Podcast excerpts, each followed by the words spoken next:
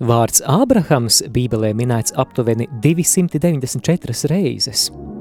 Aptuveni 76 no tām ir minētas jaunajā derībā, kas nozīmē, ka Ābrahams ir nozīmīgs tēls visā kopējā Bībeles vēstījumā. Kāpēc Ābrahams ir tik nozīmīgs Bībelē? Un kā Ābrahama dzīves stāstā ir iešifrēts viss Dieva glābšanas plāns cilvēcei, par to šodienas raidījumā. Randiņš ar bībeli ir tavs ceļvedis svētajos rakstos. Studē Bībeles grāmatas kopā. Šis raidījums var skanēt pateicoties klausītāju ziedojumiem, Radio Marija atbalstam. Paldies jums! Radio Marijas studijā es Māris Veliks un aizkadrā arī Radio Marija brīvprātīgais Edmunds Puzulis, kurš ir parūpējies par šīs dienas svēto rakstu lasījumiem, bet iesāksim mūsu bībeles studijas ar krusta zīmi. Dieva tēva un dēla un svētā gara vārdā Āmen. Mīļo klausītāji, iepriekšējā raidījumā mēs aplūkojām radīšanas grāmatas pirmo daļu, ko mēs mēdzam dēvēt par priekšvēsturi. Šeit dzirdējām par pasaules radīšanu, par cilvēka radīšanu, par grēkā krišanu un par to, kā grēks ar vienu ar vienu ar katru jauno paudzi pieņemas spēkā šajā pasaulē. Bet neraugoties uz to, mēs dzirdējām, ka Dievs nav pilnībā atmetis cilvēci, bet ka viņam ir cilvēces glābšanas plāns padomā. Un to Dievs pasludina tūlīt pēc grēkā krišanas noslēpumainajos vārdos čūskai, es celšu ienaidu starp tevi un sievieti, starp tavu dzimumu un viņas dzimumu, un viņš tev satrieks galvu, bet tu iekodīsi viņam papēdī. Par to, kā Dievs šo glābšanas plānu risina, mēs turpinām lasīt radīšanas grāmatas otrajā daļā, ko mēdz saukt par patriarhu vēsturi – Tā ir radīšanas grāmatas daļa, diezgan bieza, tā aptver porciju no 12. līdz 50. nodaļai. Un patriarhu vēsture ir ļoti interesanta lasām viela, sižetiem bagāta, te ir drāmas, te ir pārbaudījumi, te ir piedzīvojumi, te ir komēdijas, bet tā kā šī radīšanas grāmatas daļa ir tik saturiski bagāta, tad eh, šoreiz raidījumā mēs fokusēsimies tikai uz pirmo un eh, acīm redzot vissvarīgāko vecās derības patriarhu Ābrahamu.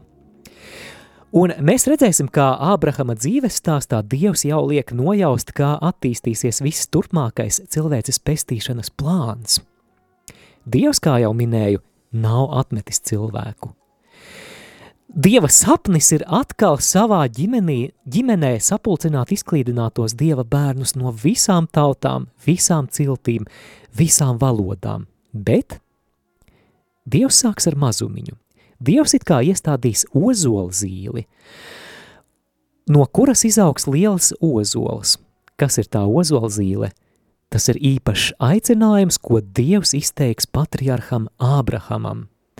Ābrahamam, kuram būs jātop par Izrēļa tautas ciltstāvu, tās tautas ciltstāvu, no kuras nāks arī pestītājs Mesija Jēzus Kristus. Tad nu ozols, kas no šīs mazās ozola zīlītes pestīšanas vēsturē izaugs, tā ir visa turpmākā pestīšanas vēsture ar piepildījumu Jēzu Kristu.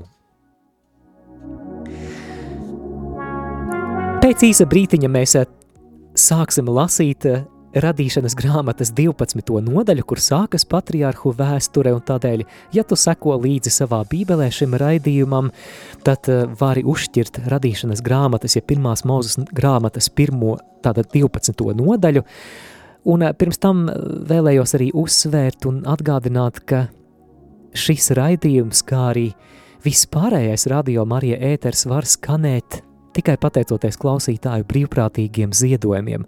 Tādēļ izsaku pateicību ikvienam, kas rūpējaties kaut vai ar vienu eiro par to, lai radio misija varētu turpināties. Ceļojums cauri Bībelei raidījumā Randiņš ar Bībeli.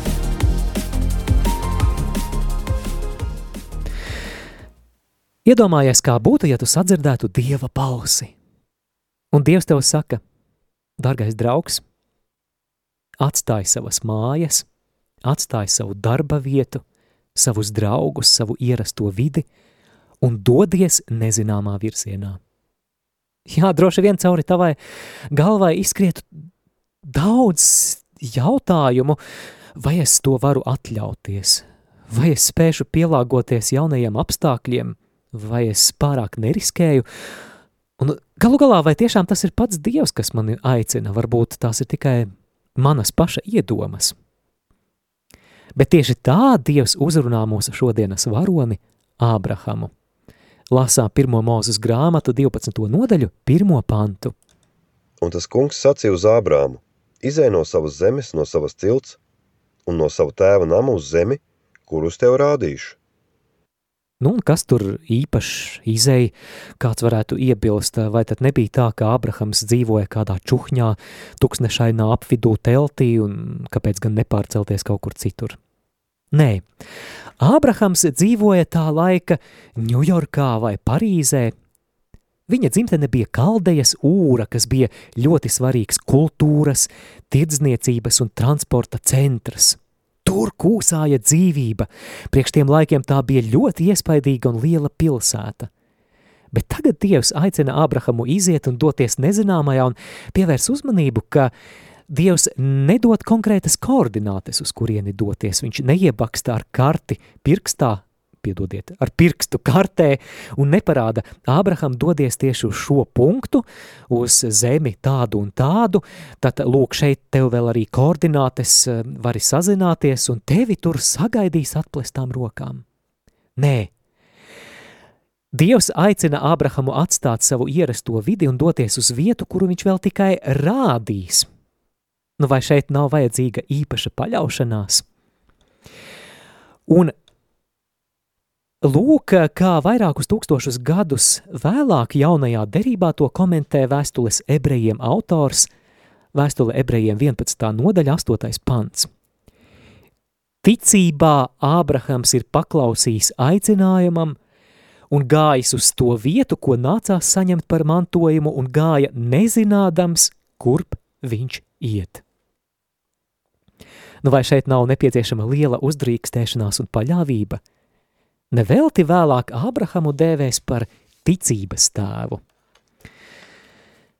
Bet tagad, klausītāji, nolasīsim nākamos divus 12. nodaļas pantu, tātad otro un trešo pantu, un tie ir ārkārtīgi nozīmīgi panti. Jo tajā, ko tu dzirdēsi, ir apslēpts viss turpmākais pestīšanas vēstures scenārijs. Jo Dievs ne tikai Ābrahamu aicina atstāt dzimto zemi un doties nezināmajā, bet viņš dod Ābrahamam arī trīskāršu apsolījumu. Un tevi es darīšu par lielu tautu. Es tevi svētīšu un darīšu lielu tavu vārdu, un tu būsi par svētību. Es svētīšu tos, kas tevi svētī, un nolādēšu tos, kas tevi nolāda, un tevī būs svētītas visas zemes ciltis. Dievs Ābramam, tobrīd vēl Ābramam, vēlāk viņš tiks pārsaukts par Ābrahamu, apsola trīs lietas. Pirmais – darīs viņu par lielu tautu, otrais apsolījums – dos viņam lielu vārdu, un trešais apsolījums – ka Ābrahams būs svētība visām zemes tautām. Tagad aplūkosim katru no šiem apsolījumiem atsevišķi. Vispirms – Dievs apsola, ka Ābrahams kļūs par lielu tautu. Jā, patiešām Ābrahama pēcnācēji tālākā nākotnē kļūs par īstu tautu. Vēlāk eh, radīšanas grāmatas tekstā Dievs vēl precizē, ka šī tauta, kas celsies no Ābrahama pēcnācējiem, iemantos Kanānas zemi, uz kuru Dievs Ābrahamu vedīs. Un to mēs šodien pazīstam kā svēto zemi, uh, Un galu galā tajā laikā nevarēja īsti runāt par pilntiesīgu nāciju, ja tās īpašumā nebūtu zemes. Tātad pirmais apsolījums – liela tauta. Otrais apsolījums – es tev došu lielu vārdu. Kā saprast apzīmējumu liels vārds, vai tas nozīmē, ka Ābrahamam tiks dota slava? Jā, kaut kādā ziņā arī, bet eh, liels vārds bija – apzīmējums karaliskai valdīšanai. Tātad Dievs apsola Ābrahamam, ka no Ābrahama pēcnācējiem nāks ķēniņi valdnieki, kas valdīs arī pār citām tautām. Trešais apsolījums Ābrahamam ir universāla svētība. Viņš Ābrahamam saka, tevī būs svētītas visas tautas. Kā tieši tas īstenosies šajā brīdī, nevienam izņemot Dievu vēl nebija skaidrs, bet par to mēs parunāsim vēlāk. Jau minēju, ka šis trīskāršais apsolījums – liela tauta, liels vārds un svētība visām tautām ir ļoti svarīgas. Ļoti svarīgs, lai saprastu visu turpmāko bībeles stāstu, jo šajos apsolījumos ir iešifrēta visa turpmākā pestīšanas vēsture. Un lasot bībeli tālāk, mēs redzēsim, kā Dievs šos apsolījumus patiešām laika gaitā piepilda, lai īstenotu savu glābšanas plānu cilvēcei. Piemēram, apsolījums par lielu tautu un zemi tās īpašumā piepildīsies Mūzes derībā pēc izceļošanas no Ēģiptes verdzības. Ar Mūzes starpniecību Dievs noslēgs derību ar visu Izrēļa tautu, tātad Ābrahama pēcnācējiem, un šajā derībā šī tauta kļūs par īpašu Dieva tautu, kurai uzticēta īpaša misija būt par Dieva vēstnešiem šajā pasaulē – Par to mēs vēl lasīsim izceļošanas grāmatā. Un šī tauta tad vēlāk arī iemantos Ābrahamam apsolīto Kānāna zemi savā īpašumā. Savukārt otrais apsolījums par lielu vārdu, jeb par karaļiem, kas nāks no Ābrahama pēcnācējiem, vēlāk Bībelē piepildīsies derībā, ko Dievs noslēgs ar ķēniņu Dāvidu. Un Dievs šajā derībā apsola, ka Dāvidam būs dinastija, tātad, ka Viņam būs pēcnācēji, kas sēdēs ķēniņa tronī un valdīs arī pār citām tautām, un ka viņa valstībai nebūs gala. Tas ir otrais apsolījums, kas piepildās derībā ar Dāvidu. Trešais apsolījums, ka Ābrahama pēcnācējos tiks svētītas visas tautas, piepildīsies vēl kādā citā derībā, un vai tu nojaut, kas tā ir par derību? Tas piepildīsies jaunajā derībā, caur Jēzus Kristus iemiesošanos. Atceries, ka Jēzus Kristus, Dieva dēls un Mesija, atnāca virs zemes un pasludināja, ka Dieva valstība ir tuvu klāt pienākusi. Un šī Dieva valstība, šī īpašā Dieva valdīšana ir pieejama visām tautām, šīs dieva valstības redzamā klātbūtne šeit virs zemes ir baznīca, ko Kristus ir dibinājis, un tā ir universāla, mēs sakām, katoliska baznīca. Tā aptver visas tautības, un tātad caur šo jauno derību piepildīsies trešais dieva apsolījums Ābrahamam, ka Ābrahama pēcnācējos, un vēl jau precīzāk, Ābrahama pēcnācējā, Ābrahama dēlā Jēzu Kristu tiks svētītas visas tautas. Šī doma ir tik svarīga, ka vēlreiz atkārtosim. Tātad pirmais apsolījums, ka Ābrahams taps par lielu tautu, piepildās kad? Mūzes derībā, ja? kad Ābrahama pēcnācēji kļūst par dieva tautu. Otrais apsolījums par karaļiem piepildās derībā ar ķēniņu Dāvidu, kad Dievs apsola, ka Dāvida valstībai nebūs gala, bet trešais apsolījums par vispasaules svētību piepildās jaunajā derībā, kad Jēzus, Ābrahama pēcnācējs, dibina baznīcu, kurā ienākt ir aicinātas visas tautas. Iepazīsim Bībeles grāmatas kopā. Raidījums Randiņš ar Bībeli.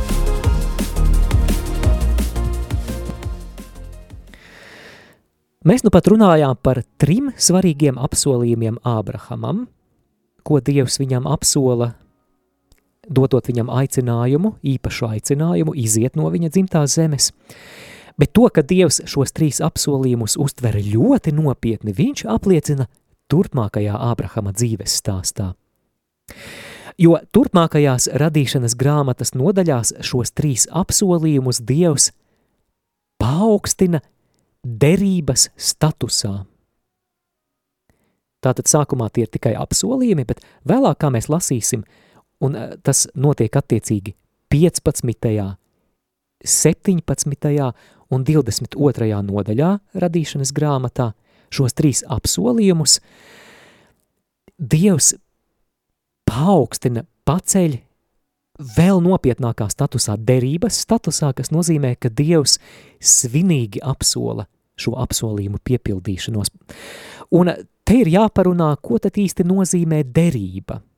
Jo derība, kā piemēram arī Bībeles teologs Skots Hāns no Stjubenvilas universitātes uzsver, ka derības jēdziens Bībelē ir viens no centrālajiem jēdzieniem, kas mums palīdz saprast Dieva glābšanas plānu cilvēcei. Bet ko tad īsti nozīmē derība? Kā saprast derību un tās svarīgumu Bībeles kontekstā un arī Ābrahama dzīvē mēs par to parunāsim pēc īsas mūzikas pauzes.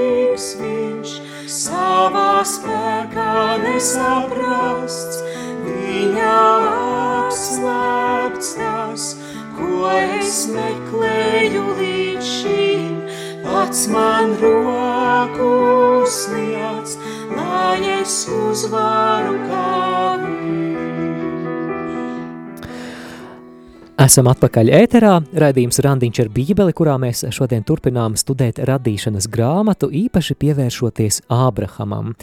Un pirms mēs runājam par to, kā trīs Ābrahamam dotos apsolījumus Dievs paaugstina derības statusā, tātad paaugstina to nozīmīgumu, dot vēl lielākas garantijas, pirms mēs par to runājam, un pirms mēs lasām tālāko radīšanas grāmatas tekstu, pakavēsimies pie tēmas par to, ko tad īsti nozīmē derība. Ļoti, ļoti svarīgs jēdziens Bībeles saprašanai kopumā. Kas tev, klausītāji, nāk prātā, ja es saku vārdu derība? Iespējams, kādiem no jums nāk prātā līgums. Un jā, te ir zināma līdzība starp derīgumu un līgumu, jo pamatā ir tas, ka divas puses kaut ko apņemas – Tātad gan līgums, gan derība ir apusējs solījums un nopietns solījums jāsaka. Tomēr derība ir kaut kas daudz daudz vairāk nekā tikai līgums. Un, lai to paskaidrotu, es piedāvāju tev piemēru, kas, manuprāt, tev būs saprotams, un šis piemērs ir laulība. Laulība ir viens no mums pazīstamākajiem derības veidiem – Piekritīsiet, ka laulība taču nav tikai vienkārši līgums starp vīru un sievu. Vai ne? Jā, laulība ietver apusējus svinīgus solījumus, nopietnus solījumus visa mūža garumā, bet tā vienlaicīgi ir arī sevis dāvāšana viens otram. Tātad vienība starp diviem cilvēkiem, vīrieti un sievieti, kuri solījuši viens otram mūžīgu uzticību un mīlestību. Un šīs laulības derības ietvaros vīrietis un sieviete kā laulātie pilnībā uztic sevi viens otram, pilnībā dāvā sevi viens otram. Tātad gan laulība, šis piemērs, ko minēju, gan derība bībelē nav tikai līgums vai vienošanās. Tas ir kaut kas dziļāks, un varētu teikt, ka tās ir īpašas radniecības un tuvības saites, kas tiek nodibinātas caur derību. Derība Bībelē parasti ir starp divām pusēm, starp Dievu un cilvēkiem. Un, ja mēs lasām derības dibināšanu aprakstus, mēs tur pamanīsim divus svarīgus elementus. Pirmais – derības noslēgšanu Bībelē parasti pavada svinīgs solījums. Tā ir pirmā lieta. Otrā lieta, kas parasti derības noslēgšanā ir klātesoša tas ir upuris, upura pienešana. Tātad derībā iesaistītās puses kaut ko svinīgi apsola un apņemās būt uzticīgas, bet arī notiek upura pienešana, kas to it kā apzīmogo. Un parasti Bībelē šādas derības iniciators ir pats Dievs. Bet kāda loma derībai ir svētajos rakstos? Tieši derību pestīšanas vēsturē Dievs kā mīlošs tēvs lieto, lai savā ģimenē sapulcinātu visus cilvēkus, kā savus bērnus. Un Dievs derības ietvaros apsola, ka viņš no savas puses būs uzticīgs līdz galam. Bet no cilvēka viņš sagaida, ka arī cilvēks būs uzticīgs šīm ģimeniskajām saitēm ar Dievu, ko mēs saucam par derību. Un Bībeles stāstā mēs redzam vairākas derības, ko Dievs noslēdz ar cilvēkiem. Turklāt katra no šīm nākamajām derībām ir it kā derības eh, mēroga paplašinājums. Ar katru nākamo derību Bībelē Dievs ietver, ietver arvien vairāk un vairāk cilvēku. Pirmā derība Bībelē starp Dievu un cilvēkiem ir radīšanas stāstā. Tā ir derība starp Dievu un mūsu pirmvecākiem, Ādamu un Ievu, un tā ir derība ar laulātu pāri. Otrā derība, kas vecajā derībā tiek noslēgta, ir jau derība ar veselu ģimeni, un tā ir Noasa ģimene. Tā ir derība ar Noasu, zīme, varbūt atceries, šai derībai ir varavīksne. Kas seko ģimenei? Kas ir lielāks par ģimeni? Dzimta. Jā, Nākamā derība vecajā derībā, ko Dievs noslēdz ar cilvēkiem, ir derība ar dzimtu. Un tā ir derība, ko Dievs noslēdz ar Ābrahama dzimtu, par ko mēs arī šodien vairāk lasīsim un vairāk tajā iedziļināsimies. Kas seko dzimtai? Kas ir lielāks par dzimtu? Tauta jeb nācija. Un tā ir Mūzus derība Sinaja kalnā, par to lasīsim izceļošanas grāmatām. Tālāk nākamā derība, vecās derības lapas pusēs ir derība ar ķēniņu Dāvidu, un tā jau ir derība ar karalisti, ar karaļvalsti, kura ietver jau vairākas tautas, ko apvieno šīs karalistes robežas. Un visbeidzot pēdējā, vissvarīgākā un vislielākā derība, kuras mērogs aptver visu pasauli, visas tautas, visas ciltis, visas valodas un visus cilvēkus, kas tā ir par derību – Tā ir jaunā derība caur Jēzu Kristu. Tā ir baznīca, kurā Dievs aicina ienākt cilvēkus no visām ciltīm, valodām, tautām un tautībām, un vai ievēroja, ka ar katru nākamo derību svētajos rakstos Dievs paplašina iekļauto cilvēku skaitu. Un tāds ir šis Dieva glābšanas plāns. Dievs ar derību kā īpašu instrumentu vēlas grēkā attālinājušos cilvēkus vilkt pie sevis atpakaļ. Dievs ir labs tēvs, un ar derības starpniecību Dievs savā ģimenē vēlas piepulcināt cilvēkus atpakaļ, sākot ar, ar ģimeni, tad dzimtu, tad tautu, tad ar veselu karalisti, visbeidzot, caur Jēzu Kristu, tas mērogs ir universāls, mērogs ir globāls, tās ir visas tautas. Bet mūsu Šodienas sarunas tēma ir derības, ko Dievs noslēdz ar Ābrahamu. Jau minēju, ka tās ir trīs epizodes, kurās Dievs trīs Ābrahamam dotos apsolījumus paaugstina derības statusā. Es ceru, ka, ka vismaz, vismaz daļējs priekšstats ir radies par to, kas ir derība, uzraksti vai saprati vai nē. Es zinu, ka varbūt ir grūti izsakot līdzi, te ir tādi teoloģiski jēdzieni, bet, bet es darīšu, ko varēšu, lai paskaidrotu mm, iespējami vienkāršākā veidā, bet tad par, par trim derības noslēgšanas epizodēm ar Ābrahamu jau pēc brīža. Bībeles panorāma raidījumā Randiņš ar bībeli.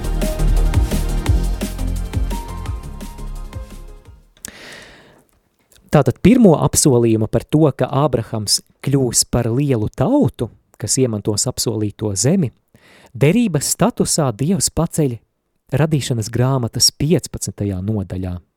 Un kā tas notiek? Dievs izved Ābramu ārā un liek uzlūkot zvaigžņotās debesis. Tagad septembris, un tagad jau, ja mēs vakaros, ja vien tā nav pilsēta ar pilsētas apgaismojumu, ja mēs izējām ārā, tad elpa aizraujās, cik skaistas ir zvaigžņotās debesis. Un lūk, 15. nodaļas 5. pants. Un viņš tam lika iziet ārā un sacīja, skaties uz debesīm un skaiti zvaigznes, vai tu spēj tās izskaitīt? Tikpat daudz tev būs pēcnācēji, viņš tam sacīja. Wow! Pēcnācēju Ābrahamam būs tik daudz kā zvaigžņu. Ābraham, vai tu vispār pats spēj tam noticēt? Ābraham, tu taču jau esi gados vecs, arī tava sieva Sāraja jau ir gados veca, un līdz šim jums nav bijis pēcnācēju, un kā viņi tagad varētu būt, Vai tu vispār spēji noticēt, ka to tev būs tik daudz kā zvaigžņu debesīs? Ābrahams tic, ka Dievs to spēja. Sastais pants. Un Ābrāms uzticējās tam kungam, un Dievs to viņam pieskaitīja par taisnību. Lūk viens no iemesliem, kādēļ Ābrams vēlāk tiek saukts par ticības tēvu. Viņš uzticējās kungam, ka tas, ko kungs ir apsolījis, ka to Dievs arī izpildīs. Lūk, uzticības piemērs bet šo apsolījumu par tautu no Ābrahama pēcnācējiem Dievs apstiprina ar derību. 15. nodaļas 18. pants. Tanī dienā tas kungs noslēdz ar Ābrāmu derību sacīdams, taviem pēcnācējiem es došu šo zemi, no Eģiptes upes līdz lielai upei Eifratas upei. Jau bija norādījis, ka derības noslēgšanu parasti pavadīja gan svinīgs solījums, un šādu solījumu mēs nu pat dzirdējām, bet to parasti pavadīja arī upura pienešana. Un kā tas notiek šajā epizodē? Dievs aicina Ābrahamu sagatavot upur dzīvniekus, pārcirst tos uz pusēm un gaidīt. Ābrahams gaida, gaida diezgan ilgi, gandrīz vai iesnaužas, un tad Ābrahams redz vīziju, ka starp šiem sadalītajiem upur dzīvniekiem iziet kaut kas līdzīgs ugunīgai lāpai. Interesanti, ka šāda derības noslēgšanas procedūra tajā laikā bija visai ierasta. Un parasti derības dalībnieki izgāja cauri šiem sadalītajiem dzīvniekiem, un tas bija kā simbols tam, ka ja es nepildīšu šīs derības nosacījumus, lai ar mani notiek tāpat kā šiem nokautajiem dzīvniekiem. Šajā gadījumā pats Dievs iziet cauri sadalītajiem dzīvniekiem uguns izskatā, un jā, lai gan viņš ir Dievs, viņš it kā Ābrahamam caur to apsola, Ābraham, ja es neizpildītu savu apsolījumu, ka tu kļūsi par lielu tautu, lai ar mani notiek tāpat kā šiem dzīvniekiem. Tātad Dievs it kā zvēra pats pie sevis, un Dievs visaugstākajā iespējamā līmenī garantē Ābrahamam savu uzticību. Tavā radioaparātā raidījums Randiņš ar Bībeli.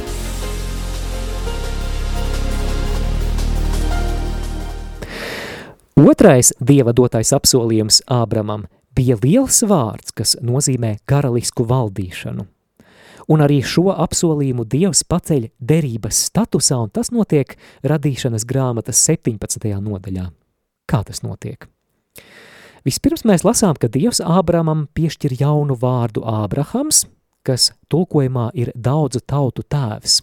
Mana derība ar tevi ir šī, tu būsi par tēvu daudzām tautām, un tavu vārdu turpmāk nebūs saukt Ābrāms, bet tavam vārdam būs būt Abrahāms, jo par daudzu tautu tēvu es tevi esmu nolicis. Varbūt būs ievērojis, ka Bībelē nereti Bībeles varoņiem tiek piešķirts jauns vārds, un Ābrahams ir tikai viens no tiem. Ko tas nozīmē?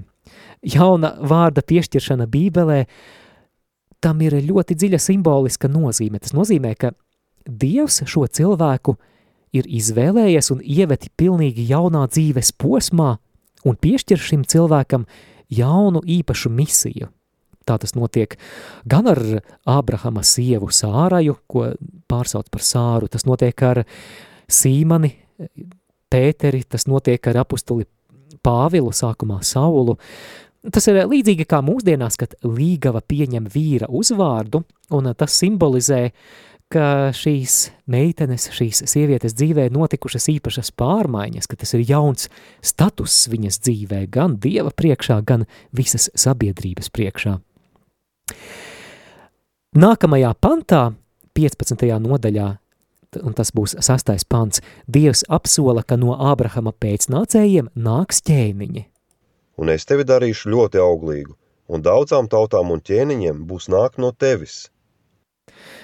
Tātad ķēniņiem būs nāk no Ābrahama pēcnācējiem. Vai arī šo derību apsu, pavada upuris, ne tikai apsolījums? Jā, protams. Bet šajā gadījumā, dārgais draugs, tas ir ļoti neparasts upuris.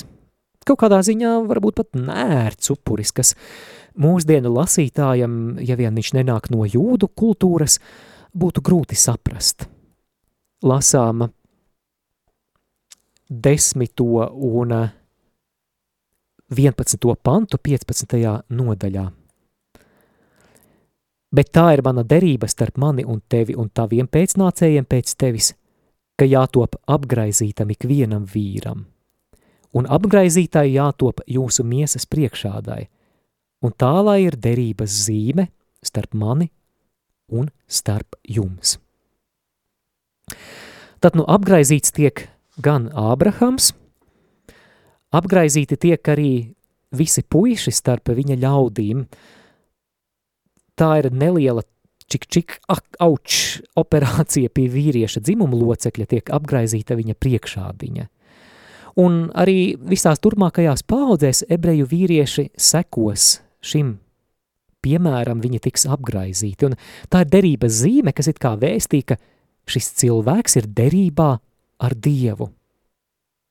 Man patīk, kā ar humoru šo apgraizīšanas epizodi komentē teologs Skots Hāns grāmatā um, Father who keeps his promises, tēvs, kas tur savus apsolījumus. Un uh, viņš uh, apmēram meditē par šo tēmu šādi, ka iedomājieties, Abrahams ienāk savu vīru teltīs un saka, puiši, es nezinu, ar ko sākt. Man ir uh, laba ziņa, bet ir arī slikta ziņa, netik patīkama ziņa.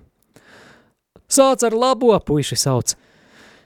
Nu labi, vīri, redziet, Dievs ir apstu, apstiprinājis ka mēs būsim nevien liela tauta nākotnē, bet no mums nāks ķēniņi, jūs varat to iedomāties, ķēniņi, kas valdīs arī pār citām tautām.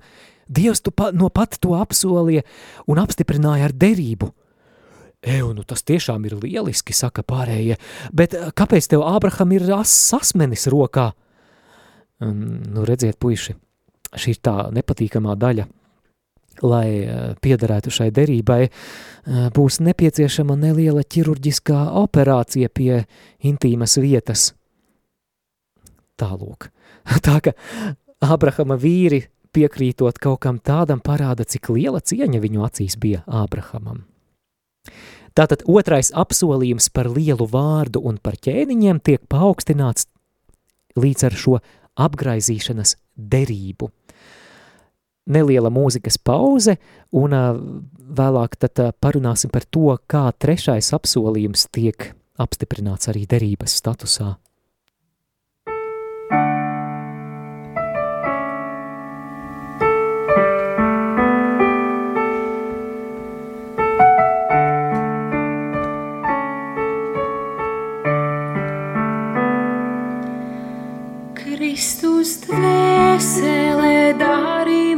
Mani svētu, Kristus miesā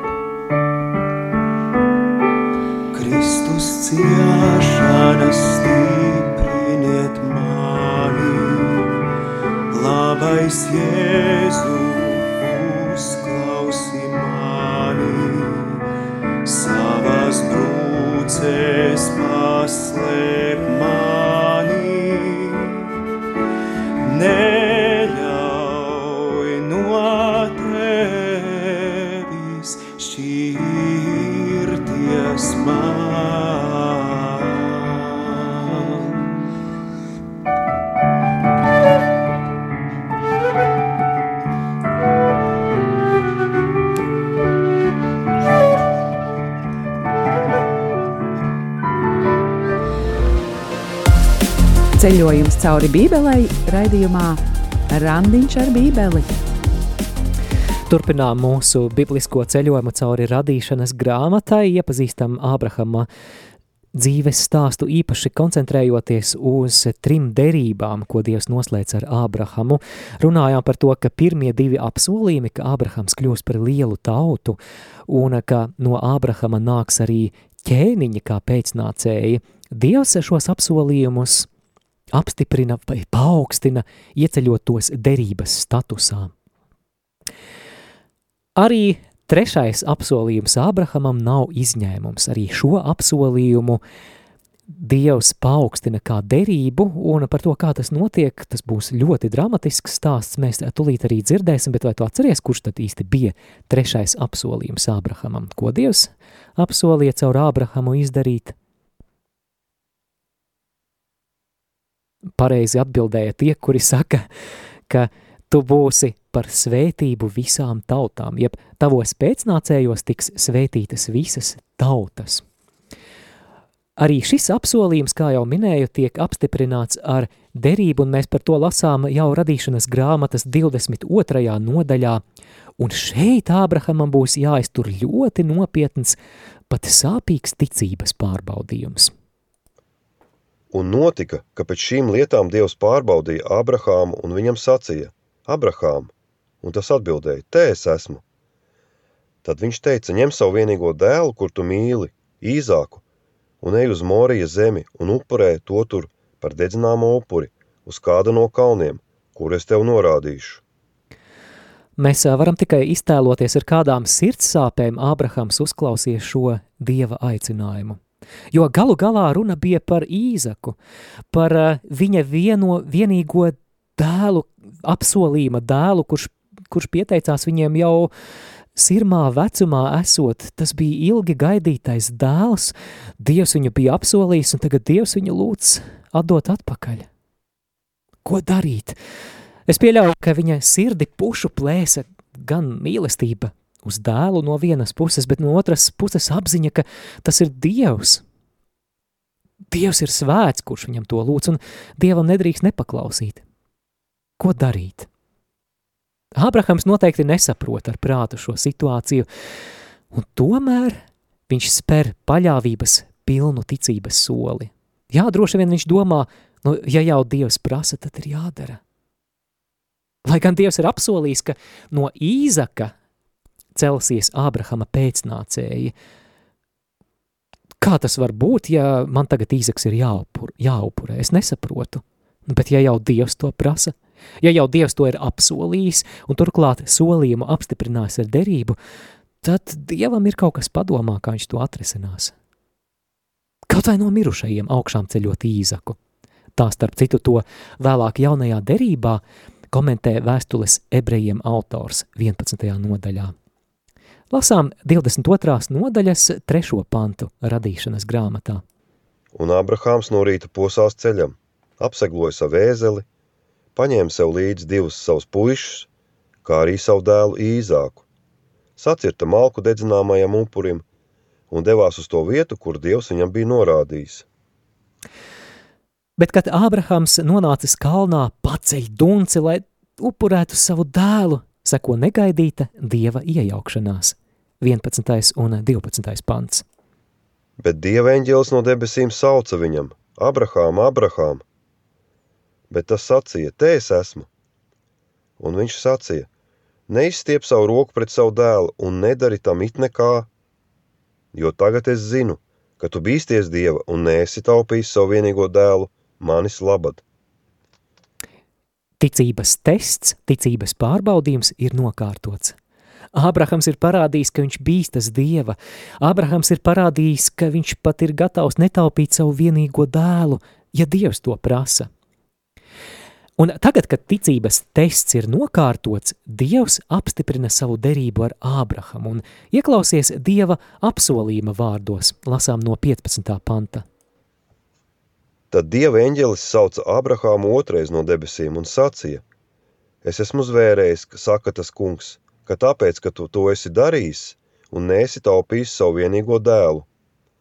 Es tevi svētīdams svētīšu un vairodams vairošu tavus pēcnācējus, kā debesu zvaigznes, kā smiltis jūras malā.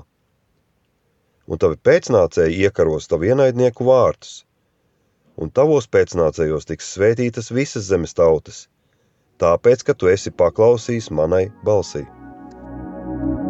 Ābrahama pēcnācējos tiks svētītas visas tautas. Pats Ābrahams šajā brīdī nenojauš, kā tas notiks. Un tikai pestīšanas vēsturē ritot tālāk, pēc vairākiem gadu tūkstošiem, nāks kāds, kurš vienlaicīgi būs gan Ābrahama pēcnācējs, bet vienlaicīgi arī patiesas Dievs. Un tas būs Jēzus Kristus, Ābrahama dēls un Dieva dēls, kurš mirs par visas pasaules grēkiem, lai kļūtu par svētību visām tautām. Tātad eh, trīs derības apstiprināšanas epizodes ar Ābramu, Ābrahamu. Līdz šim mēs fokusējāmies uz derības aspektu, jo tā ir svarīgākā teoloģiskā atslēdziņa, lai saprastu gan Ābrahama dzīves stāstu, gan tā saistību ar visu turpmāko pestīšanas vēsturi.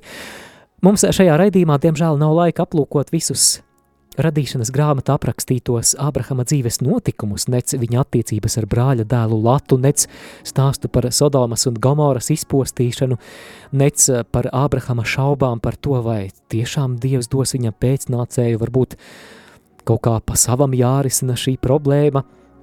Bet mans uzdevums raidījumā nav arī aplūkot visu, bet iedrošināt tevi, klausītāji, kļūt par bībeles lasītāju, lai savos personiskajos randiņos ar bībeli tu iepazītu šos ļoti skaistos un dziļos bībeles sižetus, no kuriem mēs varam smelties ļoti aktuālas mācības arī šodienai.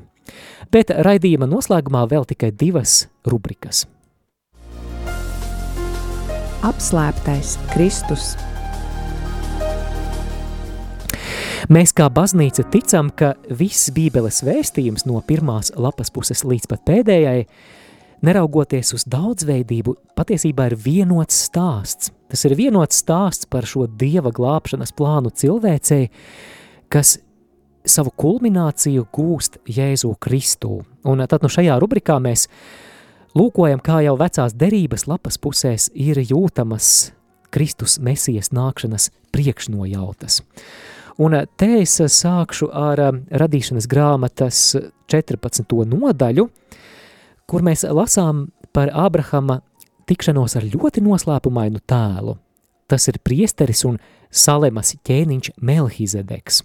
Salema, starp citu, ir senā Jeruzaleme. Ābrahams mēs lasām dot Melhizedekam desmito tiesu, bet Pats priesteris Melhizedeks savukārt Ābrahamu svētī un iznes Ābrahamam vīnu un maizi. Lasām radīšanas grāmatas 14. nodaļu no 18. līdz 20. pantam. Un Melhisedeks Salems ķēniņš iznesa vīnu un maizi. Viņš bija visaugstā dievu priesteris. Un viņš to svētīja un sacīja, lai svētīja Ābrāmu visu augstais, kas radīs debesis un zemi. Un slavēts, lai ir visu augstais dievs – kas tavs ienaidniekus devis tavās rokās. Melhizedeks ir ļoti noslēpumains, bet ārkārtīgi svarīgs tēls svētajos rakstos. Kas īsti bija šis priesteris un ķēniņš Melhizedeks? Interesanti, daudzi bībeles pētnieki uzskata, ka Melhizedeks ir Noasa pirmdzimtais dēls Šems – Jā, jā, tā paša Noasa, kurš izglābās šķirstā grēku plūdu laikā. Tādējādi Melhizedeks, jeb Šems, ir kā pirmdzimtais Noasa svētības mantinieks.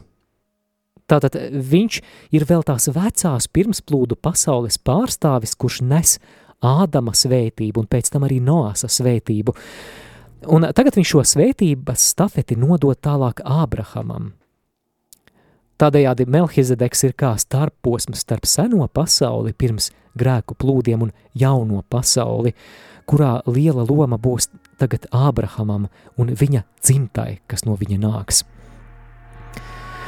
Un vēlāk jaunajā derībā vēstulē ebrejiem tiek norādīts, ka Jēzus ir priesteris pēc Melhizedeka kārtas. Tātad jau pirmo gadsimtu kristieši, arī vecās, tātad vēstules ebrejiem autors, Melhizedekā šajā noslēpumainajā tēlā saskata Kristus priekštēlu. Piemēram, Melhizedeks mēs lasījām iznes Ābrahamam vīnu un maizi. Ko tas tev atgādina Kristus dzīvē? Kristus pēdējās vakariņās dot savu miesu un asinis kā vīnu un maizi. Arī pirmajā evharistiskajā lūkšanā svētajā misē droši vien esi dzirdējis, ka tiek pieminēts Dieva augstais priesteris Melhizedeks, pēc kura parauga tad Jēzus ir priesteris. Tātad tā, tā ir viena no paralēlēm vecajā derībā apslēptais Kristus šīs dienas svēto rakstu porcijā, bet eh, vēl pakavēsimies pie notikuma ar Īzaka upurēšanu radīšanas grāmatas 22. nodaļā, jo jau pirmo gadsimtu kristiešu autori šajā, šajā stāstā saskatīja arī priekštēlu Kristus upurim Golgātā, un kur ir tās paralēles? Pirmkārt, Īzaks tiek dēvēts par Ābrahama vienīgo dēlu un mīļoto dēlu. Tāpat arī Jēzus jaunajā derībā ir tēva vienpiedzimušais dēls un tēva mīļotais dēls. Un gluži kā Ābrahams ir gatavs upurēt savu vienpiedzimušo dēlu Īzaku, tā vēlāk jaunajā derībā debesu tēvs atdot savu vienpiedzimušo dēlu kā upuri pasaules atpestīšanai. Nākamā paralēle – Īzaks, dodoties uz Morijas kalnu, kur viņam jātop nogalinātam, upurētam, pats nes upur malku. Arī Jēzus pats nes krusta koku, pie kura viņš tiks upurēts Golgātas kalnā.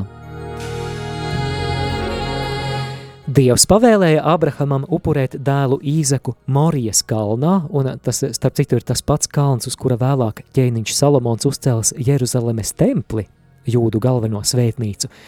Un interesanti, ka tas ir tas pats kalns, uz kura Jēzus Kristus tiks krustā sists un mirs. Vēl viena interesanta nianse. Vēl ceļā, esot uz upurēšanas vietu, Īzaks savam tēvam Ābrahamam jautā, nu te mums ir malka, bet kur tad ir jērs upurēšanai? Ābrahams pravietiski atbild, Dievs pats gādās jēru upurim. Un tā arī notiek. Kad eņģelis apstādina Ābrahamu, lai viņš nenogalinātu savu dēlu, izrādās, ka turpat ērkšķu krūmā ir sapinies jērs upurēšanai.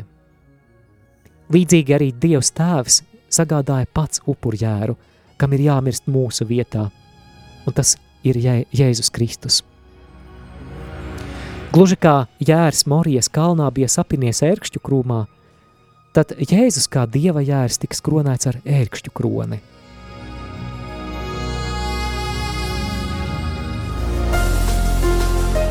Nedēļas doma. Nedēļas doma ir šī. Dievs lieto nepilnīgus cilvēkus. Dievs lieto nepilnīgus cilvēkus ļoti iedrošinoša vēsts ikvienam no mums, un tas ir tas, ko mēs varam mācīties no Ābrahama stāsta, jo klausoties šo raidījumu vai lasot bībeli, varētu šķist, nu viss jau tik cēli un dievbīgi, viņš taču tiek dēvēts par ticības tēvu, tik varonīga uzticēšanās Dievam vai ne? O nē, Patiesībā Ābrahama dzīves stāstu raksturo nevien virsotnes, bet arī sāpīgi kritieni. Galu galā Ābrahamam arī ir miesa un asinis. Arī viņš ir cilvēks, gluži kā mēs. Un viņa dzīves gājums ir kā pa ciņiem. Piemēram, mēs lasām, ka divas reizes Ābrahams Bībelē uzdodas par savas sievas sāras brāli, jo viņam ir bail, ka viņam pašam nenodara kaut ko sliktu. Sāra bija ļoti skaista sieviete, wow! Un Ābrahamam acīm redzot šķiet, ka citi vīrieši viņu apskaudīs un varbūt arī būs vardarbīgi pret viņu. Un tad nu viņš melo sākumā Ēģiptes faraonam, ka viņš ir Sāras brālis, tikai brālis, vēlāk Gerāras ķēniņam Abimēlēham, tas Ābrahamam godu nedara.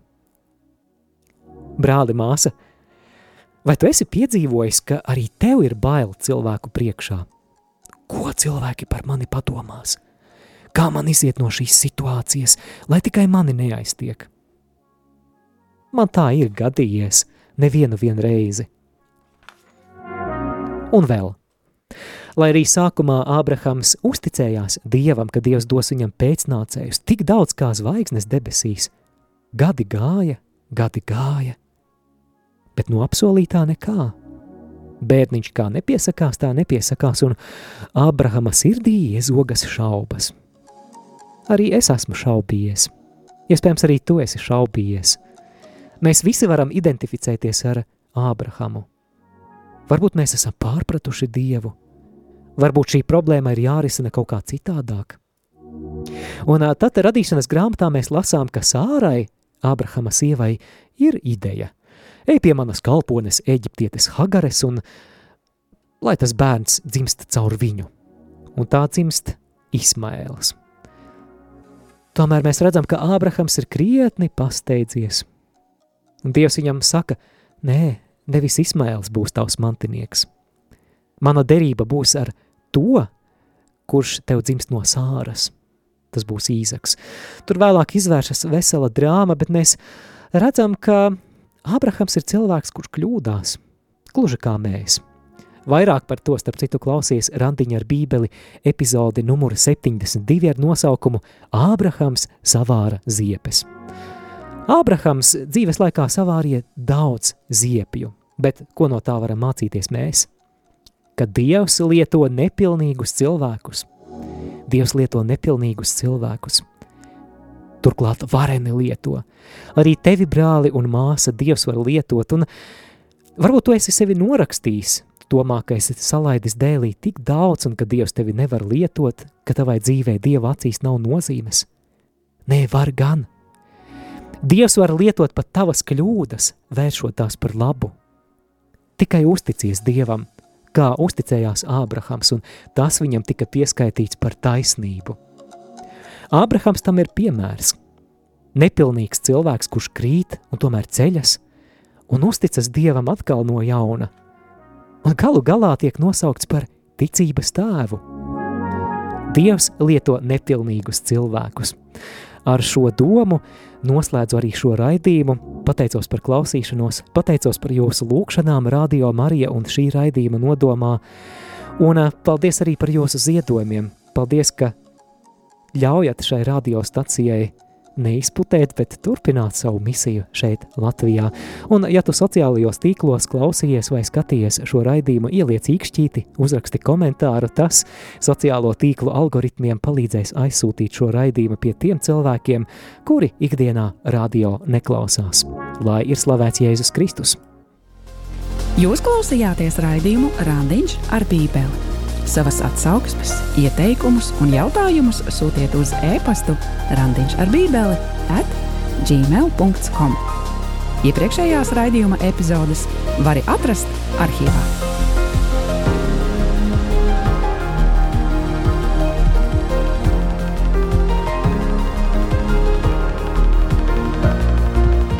Raidījums varēja izskanēt pateicoties klausītāju ziedojumiem, Radio Mārija atbalstam.